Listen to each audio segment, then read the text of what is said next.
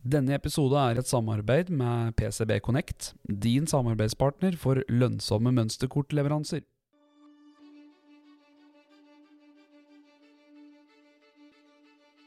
Gå veien sammen med dem. Og være en omsorgsperson, være en støttespiller, være en uh, voksenperson, være en kompis, være en bror, en søster. Altså Vi skal ikke gjøre jobben for dem, vi skal gjøre jobben sammen med dem. De skal ha delaktighet i eget liv, da. Og det er jo absolutt kjempeviktig idet du driver og blir voksen. For uh, idet du blir 18, så er du jo på en måte voksen. Men uh, vi skulle an- alle kanskje ønske, når vi ble 18, å ha en litt sånn kompis og støttesetter som har vært der før, da. Ikke være redd å stille ungene dine det spørsmålet. Eller gå og mistenke over lengre tid og bygge opp masse aggresjon eller uh, uvitenhet om hva som foregår om kvelden. Bare ta det med en gang. Du hører nå på Team Up podkast. Mitt navn er Espen Haug, og i et samarbeid med Team Pelse AS har vi nå laga denne podkasten nettopp for deg. God fornøyelse.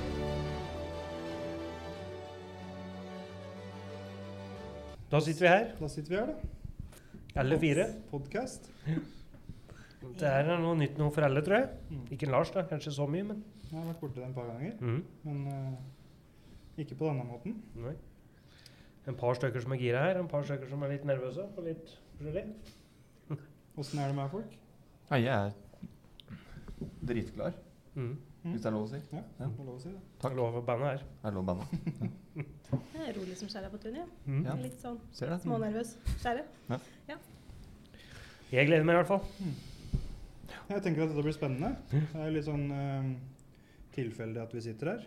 Um, og ikke planlagt noe innhold sånn sett, men vi tar det litt som det kommer. Tanken er vel å snakke litt om hvem vi er, og hvem Team Up Helse er. eh, hva vi driver med i hverdagen, tenker jeg. Ikke minst veldig morsomt at dette er en ting vi gjennomgår alle fire Ja. sammen. Teambuilding kan vi kalle det. Mm. Det kan vi kalle det. Mm. Hvis noen hadde fortalt meg for et år siden at jeg satt i podkaststudio nå, da tror jeg jeg hadde ikke trodd på det, for å si det sånn. Og du sa jo at du ikke sov du natt til mandag. Det er korrekt. Det er korrekt. Jeg sov godt, da. Nei, jo. Men jeg tenker det er sånn eh, tilfeldig eh, på den måten at eh, eh, hvordan jeg møtte Espen nå, som produserer dette her. da. Vi hadde jo starta opp Time Pelse, og så satt jeg egentlig bare hos frisøren. Og så var eh, Espen inne som kunde etter meg hos frisøren. Og så satt jeg og snakka med frisøren min om liksom at jeg skulle hatt ei hjemmeside på det vi driver med og sånn. Jeg satt der, jeg, tror Ja, jeg. ja, du var der, du òg. Mm. Stemmer det. Hvorfor får ikke vi bedt? Ja, da, Av før vår tid, Ja, dessverre. skjønner. Men da sitter jo Espen også og tjuvlytter bak, egentlig. da. Så han overøver jo samtalen uh, som jeg har i forhold til hjemmesider og sånn. Og da sier jo han at han driver med det. Og så tenker jeg liksom at da kan vi snakke mer om det. Og så ringte Espen meg da, et par dager etterpå. Og så var eh, det i gang. Og det passer jo rimelig greit, for for det er ingen av oss som klarer å lage nettside, i hvert fall. Så det passa jo fint. Og så Det var der egentlig samarbeidet vårt starta, da. Det var sånn hjemmesida blei til, og, og sånn uh, IT-greiene våre blei til. Og så har det liksom balla seg på derfra. Og siden da så har jeg Espen styrt det, holdt Ja. på å si. Og det var styra på. Mm. Husker jo det at det var eh, et tidspunkt hvor dere ikke visste helt hvor dere ville med tanke på markedsføring og den biten òg. Mm. Traff jo dere på en riktig tidspunkt, sånn sett. da Mm. Dere fikk en klipp og hjelp med markedsføring etterpå. Så det var jo Nei, det har jo vært kul tittel. Vært med fra Get uh, Go, kan man si. Mm. Så nå podkastprosjektet, da. Mm. Det har liksom blitt eh, Du har liksom sparka oss i ræva, for vi har ikke, vi har ikke tenkt liksom markedsføring og tenkt ditt og tenkt datt rundt podcaster, rundt intervjuer, rundt de sakene vi har vært igjennom og sånn. har ikke vi tenkt på. Så alt har egentlig blitt til med litt sånn spark i ræva fra deg, og det er litt kult, da. Og så er det noe nytt vi kan gjøre sammen, da.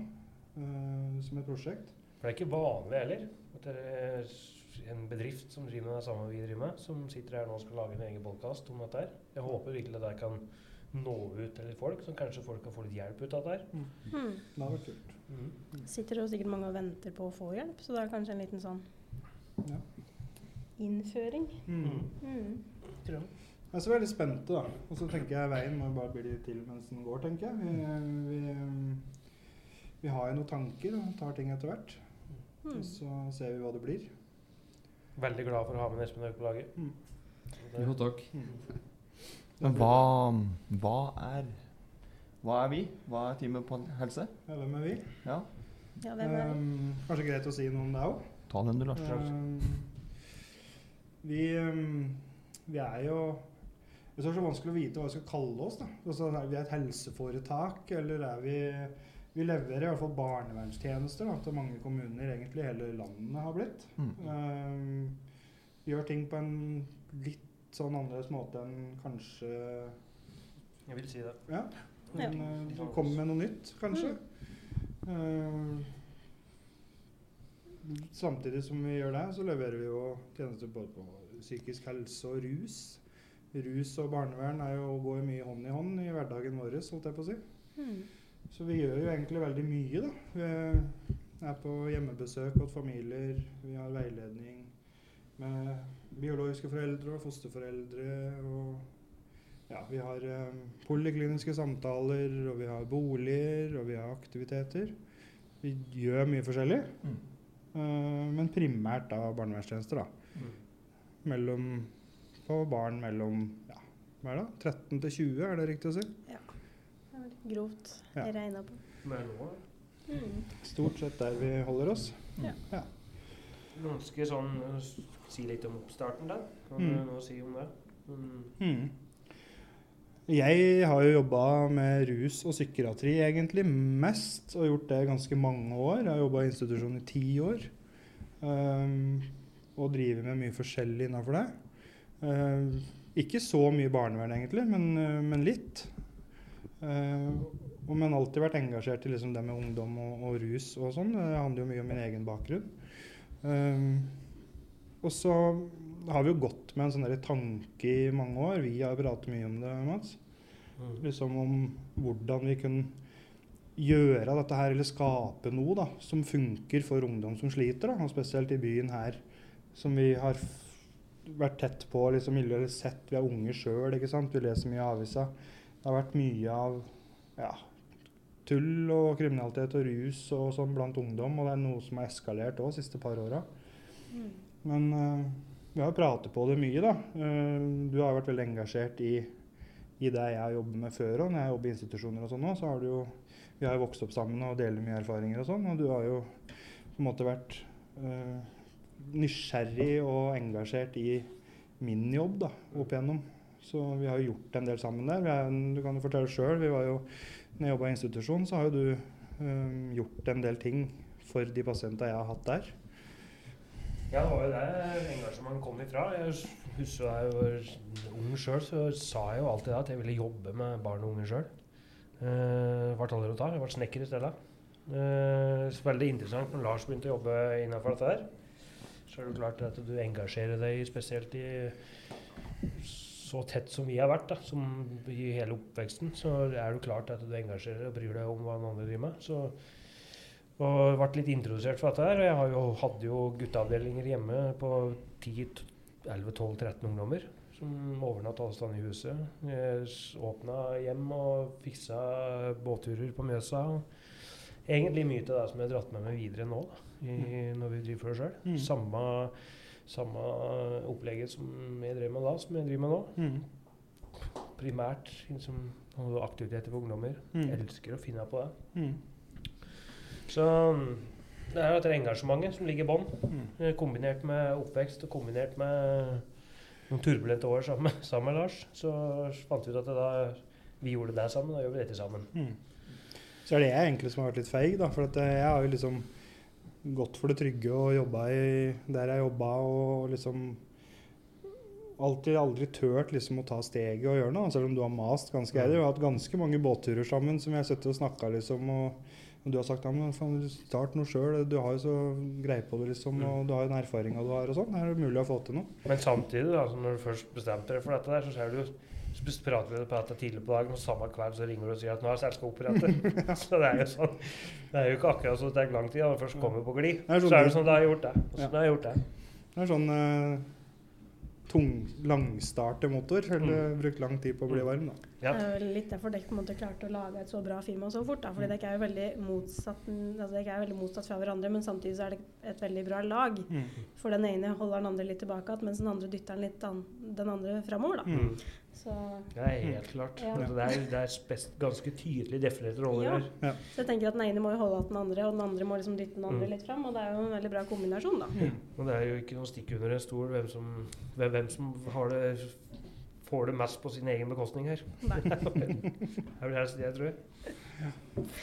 Ja. Nei, så summen av dette her, da, som er jo at vi starta jo dette her, da, i 2020. Starta veldig forsiktig, egentlig ved sida av alt annet, som er et sånn prosjekt i kjølvannet av veldig mye avisskriverier og sånn i byen her om utfordrende miljø rundt skysstasjonen og nede på stasjonen og alle de tinga der. Så jeg tenkte at nei, faen, altså nå Dette her er en dårlig utvikling. Nå er det mye ungdom som sliter nede i byen her og sånn. Nå må vi gjøre noe. Det er jo her vi er ifra. Så må vi gjøre det vi kan, da. Vi kommer jo fra kriminalitet og rus og alt mulig forskjellig sjøl. Så da må vi prøve å bruke det da, til noe positivt. Kjørte vi på, da. Oppretta 2020. Um, Midt i pandemien. midt i pandemien. Det er jo ja, bidragsyter til at utfordringen har eskalert enda mer, tenker jeg, blant ungdom og sånn. Psykisk helse og sånn. Så det var et godt tidspunkt sånn sett.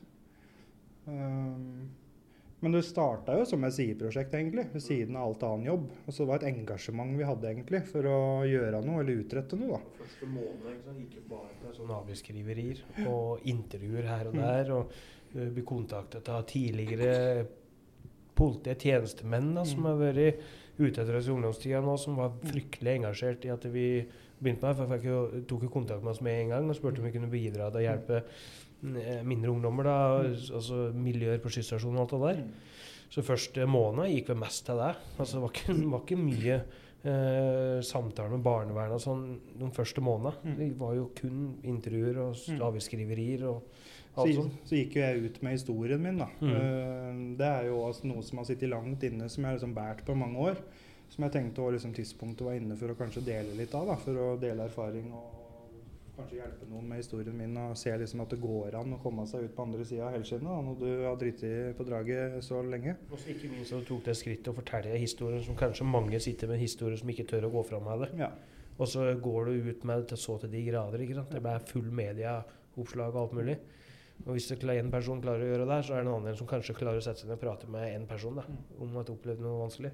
Mm. Så det var- handler nok mye om at jeg er som en stor eh, Ikke så sterk nå lenger, jeg var i hvert fall. Men eh, en eh, stor mann da, som snakker om har blitt utsatt for seksuelle overgrep og sånn. Det tror jeg liksom var essensen i historien som gjorde at mange liksom catcha han eller plukka han opp. da. Eh, så det ble litt sånn hypa en stund. Fordi at det er ikke vanlig at på en måte menn går ut offentlig og forteller om så sårbare ting. da. Mm. Tabubelagte ting, ja. Men så er det jo også kjempeviktig, og det er jo det som på en måte gir deg den slagkrafta du har. At mm. når den på en måte ser ut som det du gjør, da, så ser den jo at du har hatt en fortid. Mm. Så det gjør det jo mer troverdig Mm. enn at du kommer rett ut fra skolen og sier at hei, nå skal jeg hjelpe deg, på en måte. Mm. Og um, det er, jo, det er jo ikke tvil om at menn i dag sliter, og det er jo noen statistikker på selvmord som viser at Mm. menn absolutt Mm. Bør åpne seg mer. Mm. Og så må er en del av grunnen til liksom at ungdomstida mi ble som den ble, da, og massen ble som den ble, og i det hele tatt. Og så tenker jeg at det er mye lærdom i det, og mye du kan gi videre. Og så um, ja, tok jo dette litt av, egentlig, da. Også, ja, altså, vi gikk, jo sånn- til, gikk jo til sommeren, fikk Ja. ungdom. Ja. Ikke sant? Og det var fryktelig, fryktelig vanskelig å komme gjennom dette nåløyet med at folk faktisk skulle tørre å bruke tilbudet vårt. da. Mm. Eh, Så husker jeg at vi fikk én ungdom, og så fikk vi en til når vi skulle ha arrangert aktivitetsdag hvor vi skulle samle flere ungdommer. Mm. Og da fikk vi ungdom nummer to Mm. som skulle være med på den aktivitetsdagen. Mm. Og da husker jeg vi akkurat hadde begynt å ha til en Pål. Mm. Og Pål var jo jeg veldig mye med i barndomstida. Mm. Og så gikk det veldig mange år hvor vi ikke hadde noen ting med hverandre å gjøre. Mm. Og så ender faen meg opp som svogeren min. Verden er liten. Ja, verden er liten. Og så ble jeg liksom med Pål òg. har jo alltid vært Vi har jo alltid vært veldig like. Mm.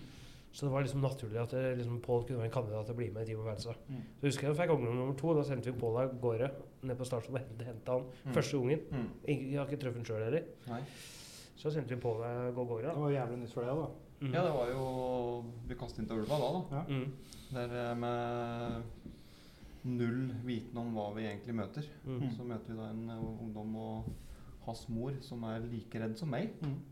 Og jeg skalv vel like mye i buksa som han gjorde, tror jeg. Mm. Og deg inn i bil, så skal du bli med meg. Og Mm. jeg følte meg litt sånn der tilbake tilbake til kriminaliteten. bli med meg, skal jeg kjøre deg en plass.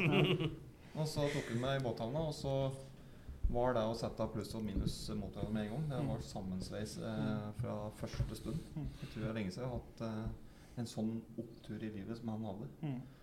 Den dagen på Mjøsa med aktiviteter. Og, Mm. og han møtte jo en gammel kompis Mm. som nå er eh, en av hans bedre venner. Det er klart det gjorde mye for han, og for oss. da. Så er det vanskelig, da. Altså, per definisjon så var vi en sånn liten privat aktør. Som slår liksom litt oppanfra. For det første er vi private, og det, har gått, det er mange private som har gått veien før oss. da. Mm. Og gjort at det er vanskeligere for oss private å få det til i, i dag. da. For det, det har vært mye hva skal en si, eh, rart innenfor det private og barnevern opp igjennom. Og det er jo eh, dumt da, at det skal være sånn, og dumt at noen har tjent seg rike på andres ulykker på en måte, og ikke, ikke gjort det de skal. Og det var viktig for oss å vise måte, at, det kommer, at vi kommer inn med, med gode intensjoner og faktisk har lyst til å gjøre en forskjell. Da. Det har vært jævlig viktig for oss hele tida. Og så er det sånn den skepsisen vi møter, for det må vi jo være ærlige og si at vi gjorde, egentlig. Vi møter, møter mye skeptisk. Og gjør jo fortsatt, egentlig. Og gjør fortsatt, egentlig. Til ja. dels. Til dels. Mm. Men eh, etter litt sånn noen måneder med sånn sideprosjekt og liksom drive litt til stedet, vi drev over evne en stund der til slutt. Ja, det var jo virkelig mye, men det ene gikk jo ut til det andre. Og så, og så er det sånn at etter vi fikk noen ungdommer og sånn, eh, så stoppa jo ikke skriverier i OA og sånn da heller. Så vi fortsatte jo med det. Vi fortsatte å gi av oss sjøl, både i media og på andre arenaer. Mm. Så det gikk jo flere oppslag i OA. Vi fikk eh, første ungdommen i botilbud, og så gikk det ene med det andre. Og Gode resultater, egentlig, Mm. på det vi drev med, og den connection vi fikk med ungdommen, som ikke de hadde opplevd før. Mm. Så da merker vi jo fort at dette her er noe unikt. Mm. Ikke sant? Vi klarer å treffe ungdommen på en helt annen måte enn de gjør i en institusjon eller noe sånt. da. Så merka vi at kommunen begynte å bli nysgjerrig. da. Ja, på hva vi Mm. drev med, og hva vi kunne utrette. Mm. Og så var det flere, flere sideting vi begynte med, ikke sant? Som, og vi bare fortsette på, gnu på. Mm. Og det er egentlig gjort nå.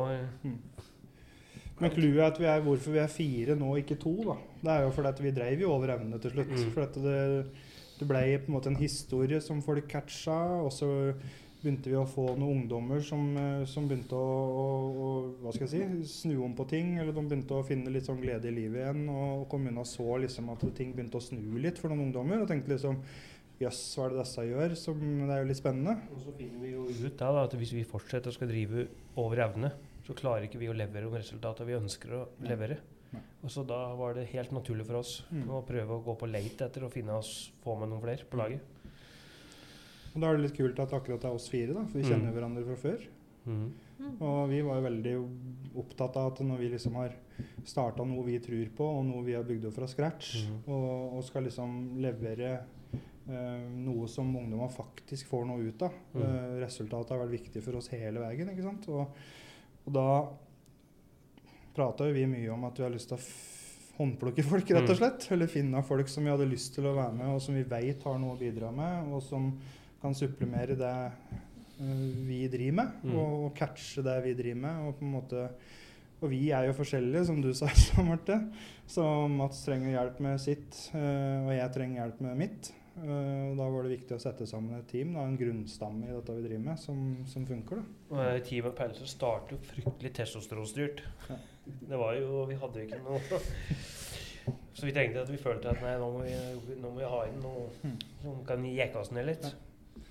Og vi ble oppfatta som to ekskriminelle som hvis plutselig skulle forandre verden. Mm. Men nå skal det jo sies da at eh, jeg har jobba ti år der og har bachelor og videreutdanninger og de tinga der. Mm. Så vi hadde jo det i, i bånn nå, men det var liksom viktig å presisere. da, For når vi kommer inn to sånne tatoverte fyrer i disse møtene her, så det inntrykket jeg føler folk fikk, Mm. var jo at det var to sånne ekskriminelle som skulle inn og endre verden. Mm.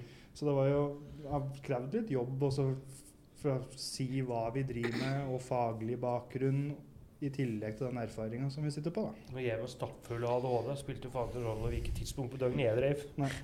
Nå var vi jo bare oppå drev på. Ja, for det er jo, Uansett. ADHD-en din er jo ganske aktiv innimellom. Mm. Men rett. først så kontakter vi en Pål. da. Mm. Ja. Du, vi kjente deg jo fra før. Vi har jo farta litt før i tida. Vi driver med mye vikebule, kanskje. Ja. Men uh, Pål kom jo ganske tidlig innom, egentlig. ja. Han eh, kom, nei, men Du kom vel første driftsåret vårt i fjor? ja, som vikar, ja. Ja, Som tilkallingsvakt. tilkallingsvikar. Mm. Du har Da- egentlig jobba som brannmann og i Forsvaret og i ambulansen, du, så du har jo snudd livet siste åra, du òg. Så Ja det var derfor vi på en måte tenker at eh, du passa inn. Da. Ja, det ble eh, håp for meg òg. Ti år eh, med fart og spenning i ambulansen og i brannvesenet, og så jobbintervju på dass. Ja. Og så endte vi på dekk. Ja. Utrolig nok. Ja. Kort oppsummert, Kort rett og slett. Kort oppsummert. Ja. Ja. Men jeg var veldig var jo gira på det mens jeg kjørte sjukebila. ja, for du fikk bare en telefon du, til Ja, Mens jeg satt på do. For da hadde vi liksom pratet litt sammen. Nei, vi må bare få med. Mats ringer støtt når jeg er på do. Ja. Da tenkte jeg nå er maseren natt. Ja. Og så tok jeg den, og så sier han du, nå er det muligheten her. Mm. Grip sjansen. Mm. Ja, jeg må bare gjøre meg ferdig. ja. Og da fikk jeg jo permisjon fra sykehuset. Og starte så fort eh, permisjonstida begynte. Mm. Og ikke angre ett sekund på hva arbeidsdagen går ut på. For det er litt sånn som sjukebil òg, at det er ingen dag som er lik. Og det er det i hvert fall ikke av oss. For der eh, styrer vi daga sjøl, men plutselig så er det noe. Mm. Så Det er utrykning i time pels òg. det er utrykninger der òg. Mm. Mm. Har ikke blålysa, men joggu skriker jeg for full æsj når jeg kjører bil. ja. Vi kan kjøpe et sånt blålys hvis du får det til liksom føler deg ja, nå mister jeg vel ratt førerkortet. Ja. ja. Og da ble det jo enda mer testosteron, da. Mm. Ja. Så da var vi plutselig tre sånne Brødlapper. Mm. brødlapper som ja. holdt på. Eller, ja. Men, eller men, um, men um, tilbudet kom jo. Eller interessen vokste, den. Ja. Og vi, jeg vil jo si at vi leverte gode tjenester òg. Mm. Så vi, ungdommer var jævlig fornøyd. Vi hadde jo mye ungdommer som på en måte stikker av fra mye institusjoner og aldri holdt seg i noe tiltak før, og som på mange måter var gitt opp av systemet litt. Mm. Sånn, eh, det er vel ikke feil å si. Nei. Og så fant vi ut at vi liksom at de trivdes med å være med oss, da.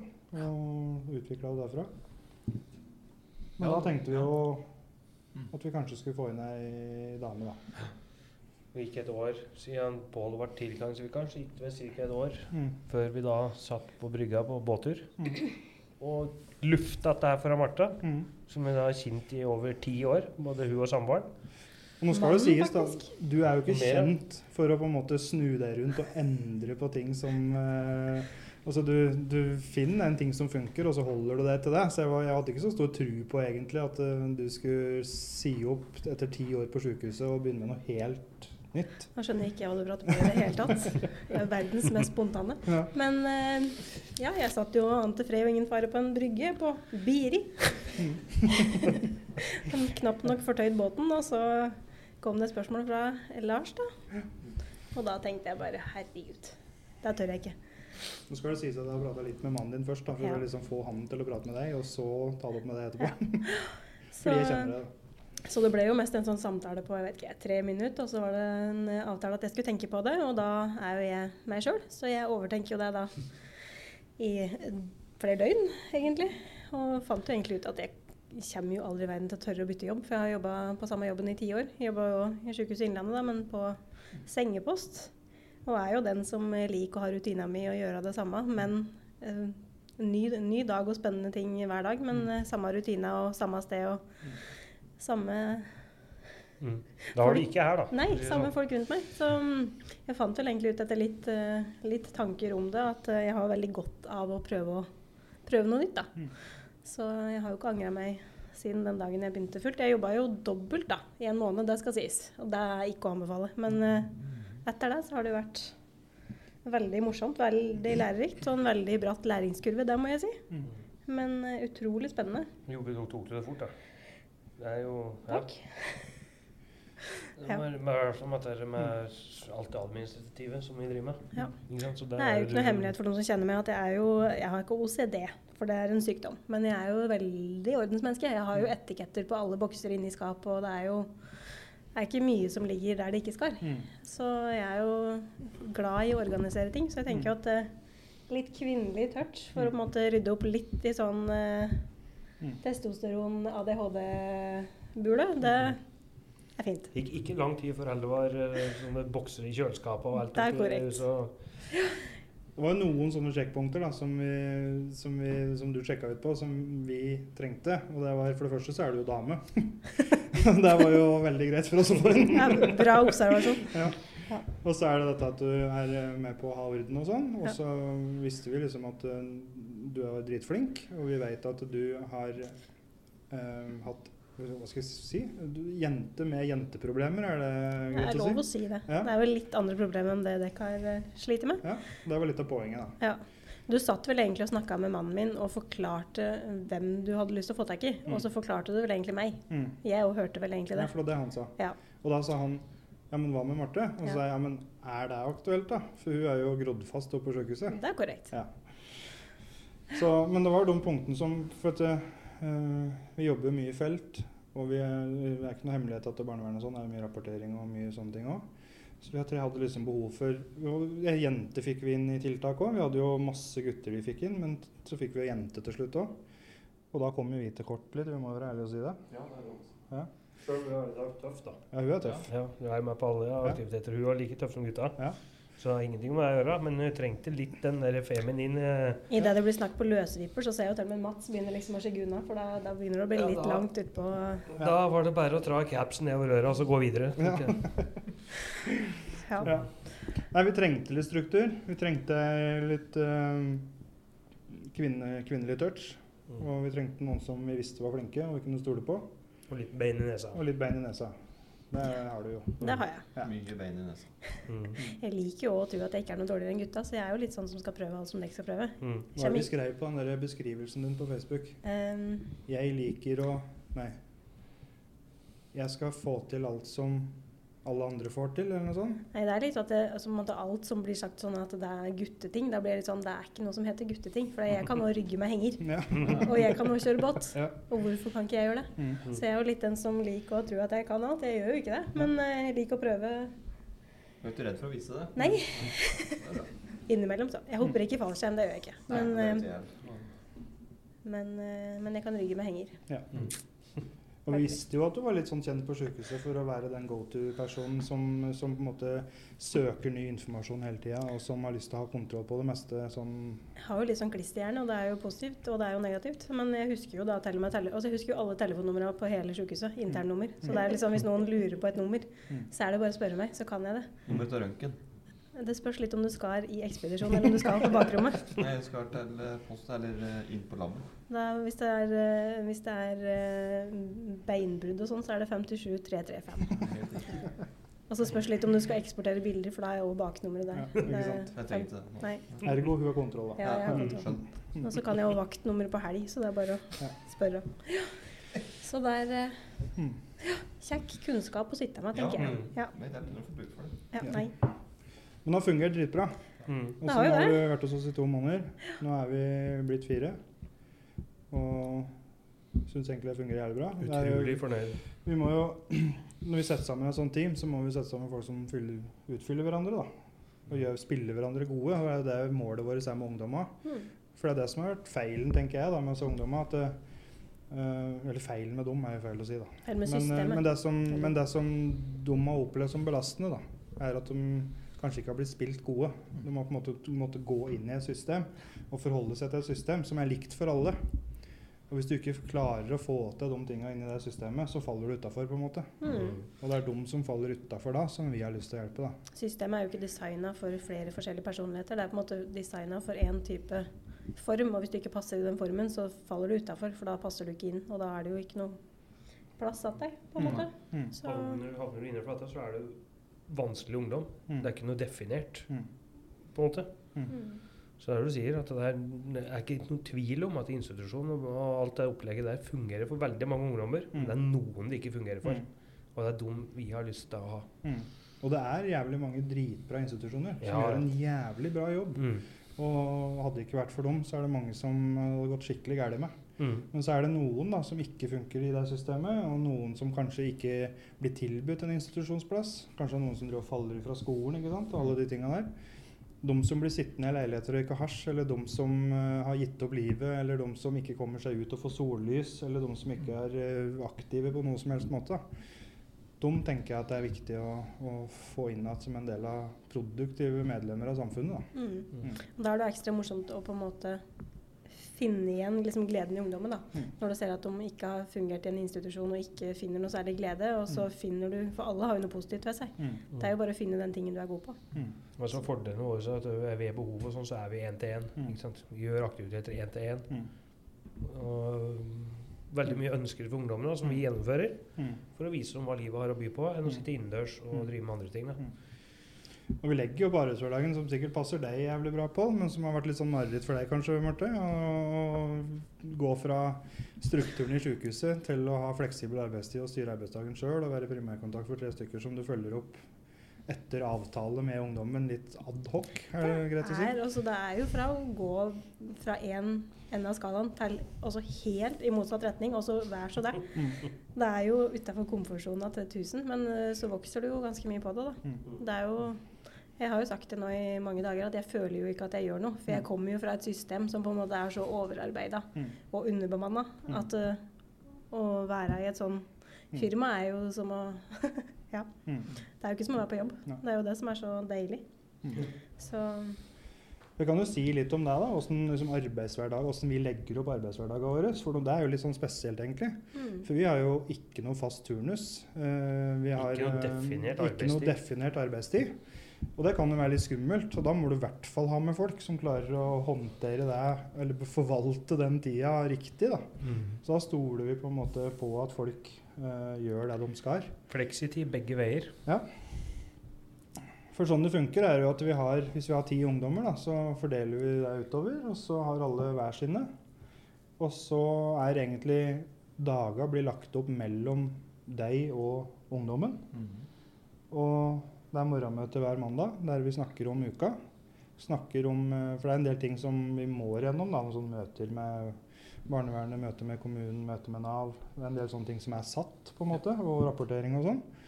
Men utover det så er det opp til oss sjøl å, å legge opp uka sånn som vi vil. Og når, du, når ungdommen trenger det, eller når det passer. Vi styrer det vel etter ungdommens behov. Ja, på mange det er måter. riktig. Og det spiller ikke noen rolle om det er mandag eller om det er lørdag. Søndag. Det Eller om det er dag eller natt, for så vidt. Mm.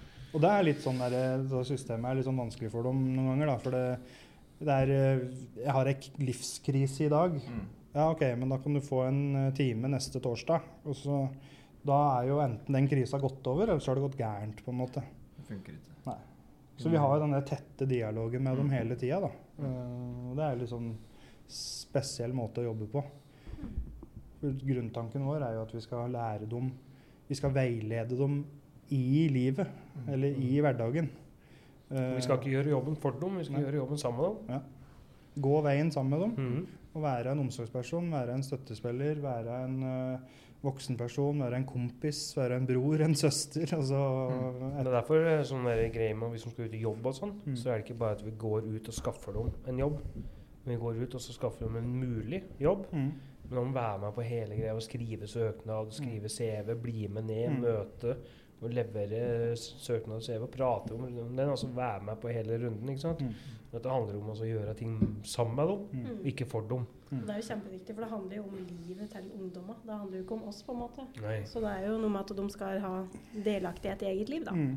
Og det er jo absolutt kjempeviktig idet du driver og blir voksen. Mm. For uh, idet du blir 18, så er du jo på en måte voksen. Men Mm. Eh, vi skulle alle kanskje ønske, når vi ble 18, å ha en litt sånn kompis og støtte seg til som har vært der før, da. Mm. Mm. Og vært gjennom mye av det du har vært gjennom, og på en Mm. måte kan støtte deg gjennom det. Mm. Det tilbudet her vi leverer, skulle ha vært for mange år siden. Mm. Sånn for min del òg, når jeg var eh, 14-15 år. Mm. Ingen der da som kunne hjelpe deg med å Jeg husker jeg hadde noen vise sånne, veien videre. da, Mm. At det jeg er hadde- lys. noen sånne kontaktpersoner på skolen og sånn. Noen Mm. som, som utpekte seg litt til å være sånn gode Mm. å gå til. Mm. Ikke sant? Du hadde noen sånne Mm. personer, men de har jo ikke definert noe Mm. som var der for at de skulle være med deg. Men du hadde noen sånne Mm. Men det skulle ha vært sånn tilbud Mm. utover skolen òg, liksom på ettermiddag og alt mulig sånt. Eh, Absolutt. Jeg tenker at mye av systemet, eller mange av de kommunale tilbudene i dag, da, de er jo Og misforstå meg rett, kommunen leverer veldig mye bra. Og Mm. hadde det ikke vært for kommunen, så hadde ikke vi fått hjertet til ungdom her. Så det er ikke noe kritikk til kommunen. Men, men sånn som systemet fungerer, så er jo mange av tilbudene lagt opp til at ungdommer må oppsøke det. Altså jeg tenker ungdomsklubber eller liksom hva det måtte være. da, Så er det og inaktiv ungdom som sitter og røyker hasj, eller som har droppa ut av skolen, eller på en måte gitt opp litt, eller føler seg gitt opp. De tar ikke det ansvaret sjøl og oppsøker hjelpa. Nei. Men målet vårt er jo å oppsøke ungdommen der de er. Mm. Og så prate med dem der de er, både følelsesmessig og fysisk. Mm. Og så på en måte dra dem inn igjen i livet sitt. da. Og der og da, da, for da hvis du sliter, så på en måte dager blir fort uker, og uker blir fort måneder. Mm. Og hvis de sliter, så er det gjelder jo å ta det der og da, for hvis de blir overlatt til seg sjøl, så går det fort lang tid før de Mm. kommer ut av det. Da. Mm. Bare sånn for å skyte inn der, eh, som sagt, så er Espen Haug med på dette her. Men um, hva var det som gjorde at du ble så interessert i det vi drev med? For du begynte jo å prate med oss, og dette var noe du ville være med på?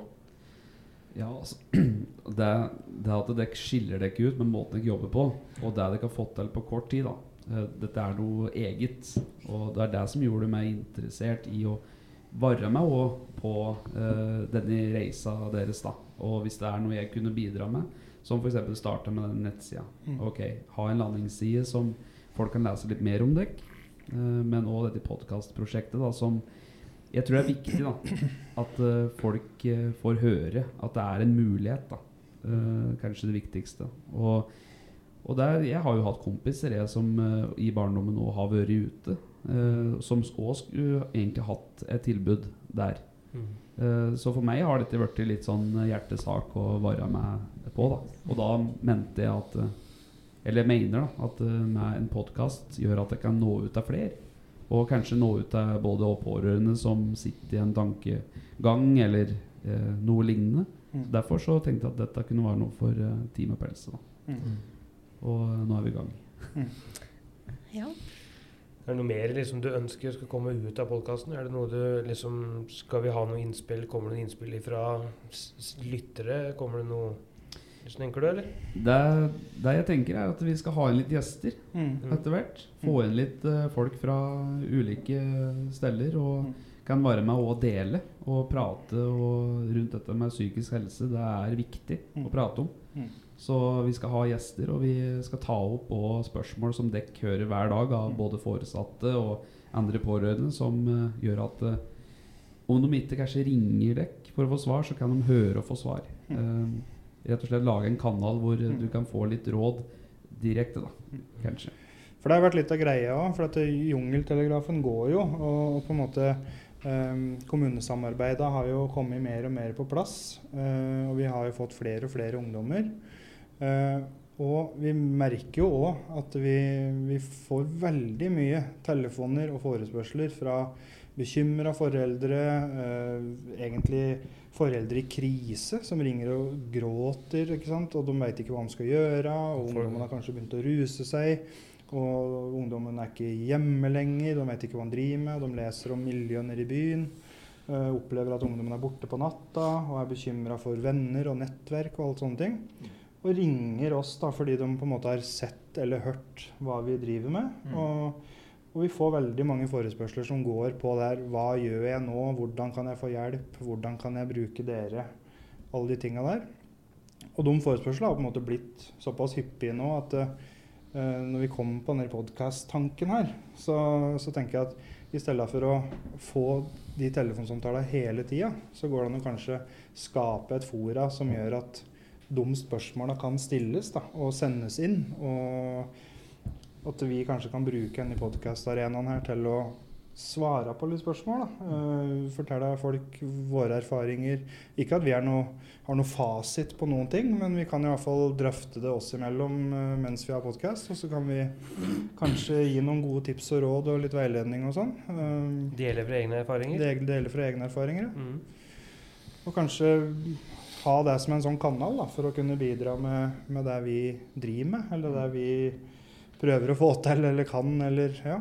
Kanskje folk kan få liksom eh, svar på en type oppførsel Mm. som de merker på noen. Og så kan få et svar fra deg ut ifra egne erfaringer fra våre side. da. Mm. Kanskje vi har vært oppi noe lignende, følte på lignende når vi Mm. var på den alderen. Så Mm. vi kan svare ut ifra egen følelse. da. Hvordan håndterer jeg dette her som mor eller far? Mm. Vi har jo en uh, mor og en far sjøl som har håndtert mye med oss. Mm. Um, og hvordan liksom går jeg fram i hjelpeapparatet? Eller hva trenger jeg å være bekymra for? Hvilke tegn må jeg se etter hos barnet mitt? Uh, hvis jeg mistenker at den ruser seg, f.eks. Det Mm. er mange ting som folk lurer på, da, som, som vi kan prøve å svare på, tenker jeg. Mm. Og der er det jo flere kanaler vi kan ta imot spørsmål på. Mm. Det er jo både direkte på hjemmeside, vi har Facebook. Det er eh, mest der vi ønsker kanskje å ha Mm. eh, spørsmål inn. Mm. Eh, E-post finner du også på nettsida. Mm. Teamapelse.no. Mm. Så der, det, er ikke, det er bedre at du sender inn noe enn å ikke gjøre det, Mm. tror jeg. da Mm. Det er ingen spørsmål som er for dumme. Nei, Er det ikke det de sier?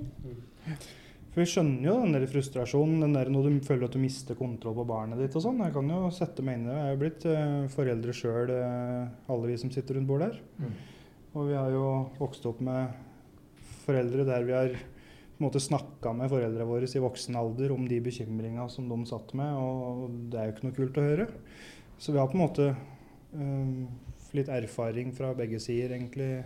Vi har jo hva det går ganske ut på. mye erfaring sånn sett, alle fire, tror jeg. Mm. Alt ifra skilsmisser til Mm. det meste. Mm. Til de som uh, lytter på nå, da. Hva er det de kan forvente av denne podkasten her? Nei, jeg tenker jo i hvert fall at det er uh, viktig å få ut at vi fins, uh, og hva vi driver med. Og så er det viktig å påpeke at eh, vi rundt dette bordet her nå, altså sitter jo, vi sitter på mye erfaring, eh, personlig erfaring, dårlige oppvekster, overgrep, rus, kriminalitet, fosterhjem. Eh, det er mange ting rundt bordet her da, som er opplevd, som, som vi vil dele med andre. Men samtidig òg så skal vi ikke glemme at det sitter òg mye utdannelse rundt bordet her. Altså, det er sykepleiere og sosionomer og brannmenn, Forsvaret også det, er, det er mange ting rundt bordet her som, som på en måte er faglig forankra òg. Så det er, ikke, det er ikke bare en gjeng med folk som vil eh, ut og gi råd og veiledning og sånn. Det er mye yrkeserfaring, det er mye erfaring fra feltet. eh, og nødvendig utdanning og alle de tinga der. Da. Så jeg hadde bare lyst til å si det òg, for at eh, så det ikke bare virker som at vi bare en gjeng som har eh, egen erfaring, eller så, såkalte erfaringskonsulenter, eller hva det heter for noe i dag, som er blitt så populært.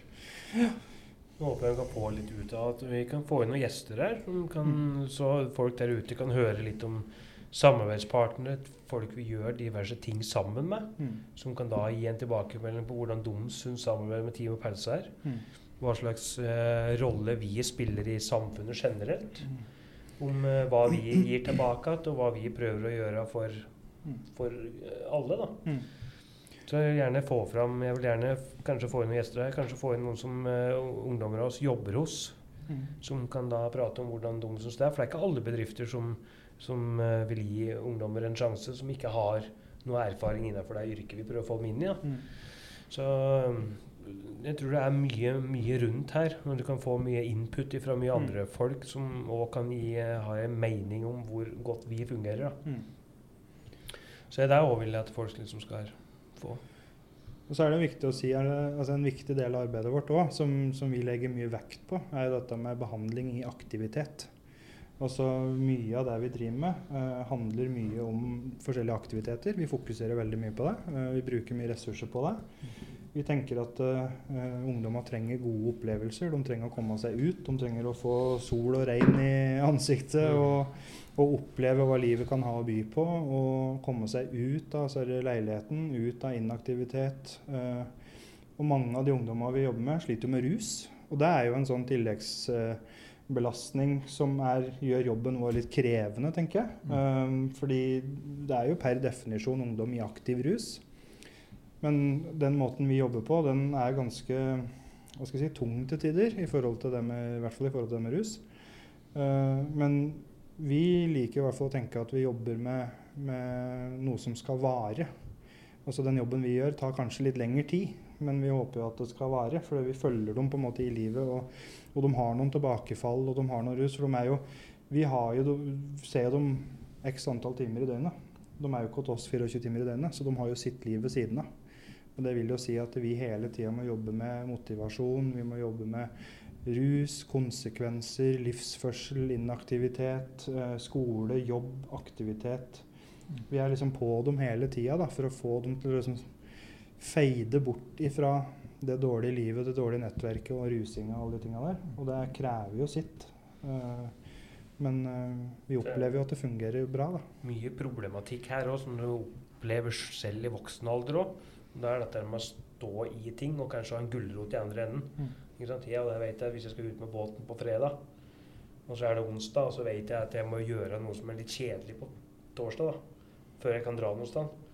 Så er det det å komme seg igjennom det er fordi du vet at jeg får dratt på fredag. Mm. Altså, dette handler med ungdommer òg, at du må igjennom ting i løpet av uka som kanskje ikke er så kult. Men at det kommer en dag da hvor du gjør noe som er veldig morsomt. da. Mm. Og så er det jo litt sånn eh, livet er, da. Det er jo ikke alt i livet som er morsomt, og sånn er det jo. Det er jo oppturer og det er nedturer. Og det er litt viktig å vite at eh, det er jo ikke alle dager som er like morsomme. Mm. Men det er jo en del av livet, det òg. Mm. Tar du det som nedturer, må du ta for å få oppturer. Mm. Så, sånn er det bare. Mm. Og det er jeg lærer dem å motivere dem til å komme og ta seg nedturer Mm. uten å legge seg helt ned. Altså, de kommer de og ta det med et smil òg. Og så har vi jo en annen ting som er greit å si. Er, vi har jo kjøpt et, eh, et svært hus nå eh, med en stor eiendom eh, som har blitt en sånn hva skal jeg si, hengeplass. Eller vi har jo noen botiltak der og sånn, noen folk som bor der. Og vi har kontorer der. Og vi har ja, stuer og, og verandaer og har stor hage. Og, og det vi har sett, er jo at stedet, mange av de ungdommene som er hos oss, har vært sånne byhengere. Eller hengt mye rundt i bybildet, vært ute på kvelder og natta. Og så har på en måte hverdagen deres blitt litt annerledes nå, der de oppsøker huset der vi er, og har samles der. Og der er det jo rusfritt, og der eh, er jo vi følger jo med huset hele tida. Og vi har oppfølging der, og vi, har på kontoret der. Og, og det, det er at de trekker på en måte ut ifra bybildet og det dårlige nettverket og de dårlige tinga nede i byen, og inn i noe positivt der det er flere i samme situasjon, og der vi kan jobbe aktivt med dem som en gruppe, i tillegg til å jobbe med dem individuelt. Da. Mm. Det har jo vært, eh, fungert veldig bra. Jeg tror litt av spørsmålet hos Espen var sånn Hva kan de som lytter, forvente eller få da, av oss? Mm. Så tenker jeg at det som jeg sa på når, jeg var på, når Jan Mats var på Antidoping Norge, der jeg representerte og Team Pelse, og min historie, så fikk jeg spørsmål der om hvordan skal jeg som forelder gå fram til ungdommene mine, eller ungene mine. Og da ble jeg vel enig med meg sjøl at eh, det beste for min del er at hvis du tråkker rett i grauten og stiller deg spørsmålet 'Hvorfor har du rusa deg?' Eller 'Ruser du deg nå?' I stedet for å gå den lange veien rundt og gå og mistenke. Hvis du får det spørsmålet konkret av en foresatt, så vil du kanskje gi det svaret den foresatte ønsker. da. Ikke være redd, redd for å stille ungene dine det spørsmålet. Eller gå og mistenke over lengre tid og bygge opp masse aggresjon eller uh, uvitenhet om hva som foregår om kvelden. Bare ta det med en gang. At nå har jeg funnet det på rommet ditt. Hva er dette for noe? Kan vi prate om det? Jeg er ikke sint på deg, men jeg vil vite hva det er. Mm. Der ville jeg som ungdom satt pris på. Mm. I stedet for å ha en mor eller en far som oppsøker meg eller følger etter meg om natta, eller uh, vet ut om natta, men at de ikke kan gå ut uten å bli fotført. da. Så er du, di, er du direkte og spør rett fram, Ja. spør du sånn, så Ja. er det mye vanskeligere for dem å prøve å roe seg unna. For at de forventer ikke at de får spørsmålet i det hele tatt. Og så får de spørsmålet, så klarer de ikke å roe seg unna det. Og da skjønner de med en gang om det er noe eller ikke. Det blir ofte en sånn katt og mus-lek. Gjør det. gjør det. Hvis det var selv, var bare å lure mamma som jeg Mm. trodde sjøl. da. Men hun skjønte det med en gang, at eh, du lurer til gammel mor. Mm. Men eh, du imler det i hodet ditt som ungdom at eh, hun skjønner ingenting. Men hun gjør det. Men en annen ting er jo at um, det vi òg ønsker å på en måte få fram, tror jeg, så er at det er ikke et nederlag å spørre om hjelp. Og Det er ikke noe dårlig forelder selv om ungen din har eksperimentert med rus, eller fordi ungdommen din har For det har så mye med nettverk og venner og miljø og sånn å gjøre. Og det er ikke dermed sagt at du er en dårlig mor eller en dårlig far fordi sønnen din ikke har klart å være på skolen eller har hatt noen utfordringer eller noen ting. Og det er det er litt sånn stigma rundt det å spørre om hjelp. Og folk er iallfall livredd for barnevernet og sånn, selv om barnevernet er egentlig der for å hjelpe deg. Og, Mm. og vi er jo der for å hjelpe til. Og det er jo Spør om hjelp og råd og veiledning og sånn, så kan det hende at denne situasjonen blir mye bedre. Og så slipper du å sitte med alt alene, og alle bekymringer, og all skamfølelse, og følelsen av å ikke få til å være forelder, eller det er mange ting som Eller å føle at du gjør alt rett, og så enda så går det på en måte galt. Ja. Og det er jo ikke noe fasit, for ingen er jo like. Og det er ikke, noe, det er ikke ett svar på problemet, og det er ikke ett problem, på en måte. Så mm. det er greit å dele litt erfaringer og finne ut at du ikke er aleine, og at det Nå er det én ting vi vet fra å drive med dette her. Så vet vi at om én ting fungerer på én ungdom, så betyr ikke at det fungerer på andre ungdommer. Nei. Dette er så forskjellig. At det, Det handler om å se dem mm, og finne behova og sånn. ja. Mm. Og hva trenger du? Og hva har du? Mm. Og hva savner du? Eller Ja, hvor, tørre å hvor, stille noen spørsmål. da. hvor vil du? Ja. For de er ikke redde for å svare, de venter bare på at vi skal spørre. Mm. Men uh, da skal vi gå Mm. og stille spørsmål med en gang, ikke vente i flere år, for da er det rett for sent. Mm. Og vi òg sitter i en situasjon nå. Nå har vi jo fort ti ungdommer, holdt jeg på å si. Og, og det som er litt sånn kult nå, er jo at dette er ungdom som på en måte har rømt fra noe, eller eh, droppa ut av noe, eller eh, i, vært i institusjon 100 ganger og stikket av hele tida og rusa seg bare eskalerende mer. Mm. Og så opplever vi nå at når vi på en måte setter sammen noe aktivitetsopplegg og sånn nå, da, så, så legger vi ut f.eks. på den der felles gruppa som vi har. da.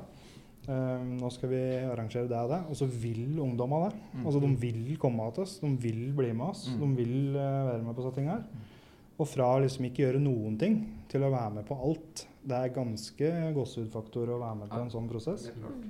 Og til og med ta initiativ på å spørre hva skjer denne uka her. Ja. Det er jo kjempebra. Og bli sinte hvis det ikke er noe opplegg. Altså Vi har jo opplevd det der forrige Ja, ja. uke. At det var liksom noen ungdommer som sa 'hva skjer denne uka her?'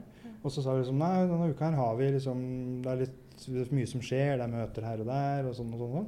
Og så blir de forbanna fordi at vi ikke At de ikke kan være aktive, liksom. Det er jo jævlig kult, egentlig, for det viser jo engasjement i sitt eget liv. Ja.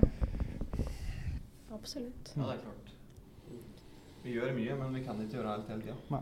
Men når vi først gjør noe, så får vi den tilbakemeldinga om at eh, du får en klapp på skuldra eller får en klem, da, Mm. som du kanskje ikke har gitt en klem til noen på 14 år. Mm. Så får du den, og så sier de 'takk for at du ga meg den tilliten her', Mm. eller Mm. 'takk for at du stolte på meg'. Mm. Eh, vi blaut i øynene da, altså. Ja.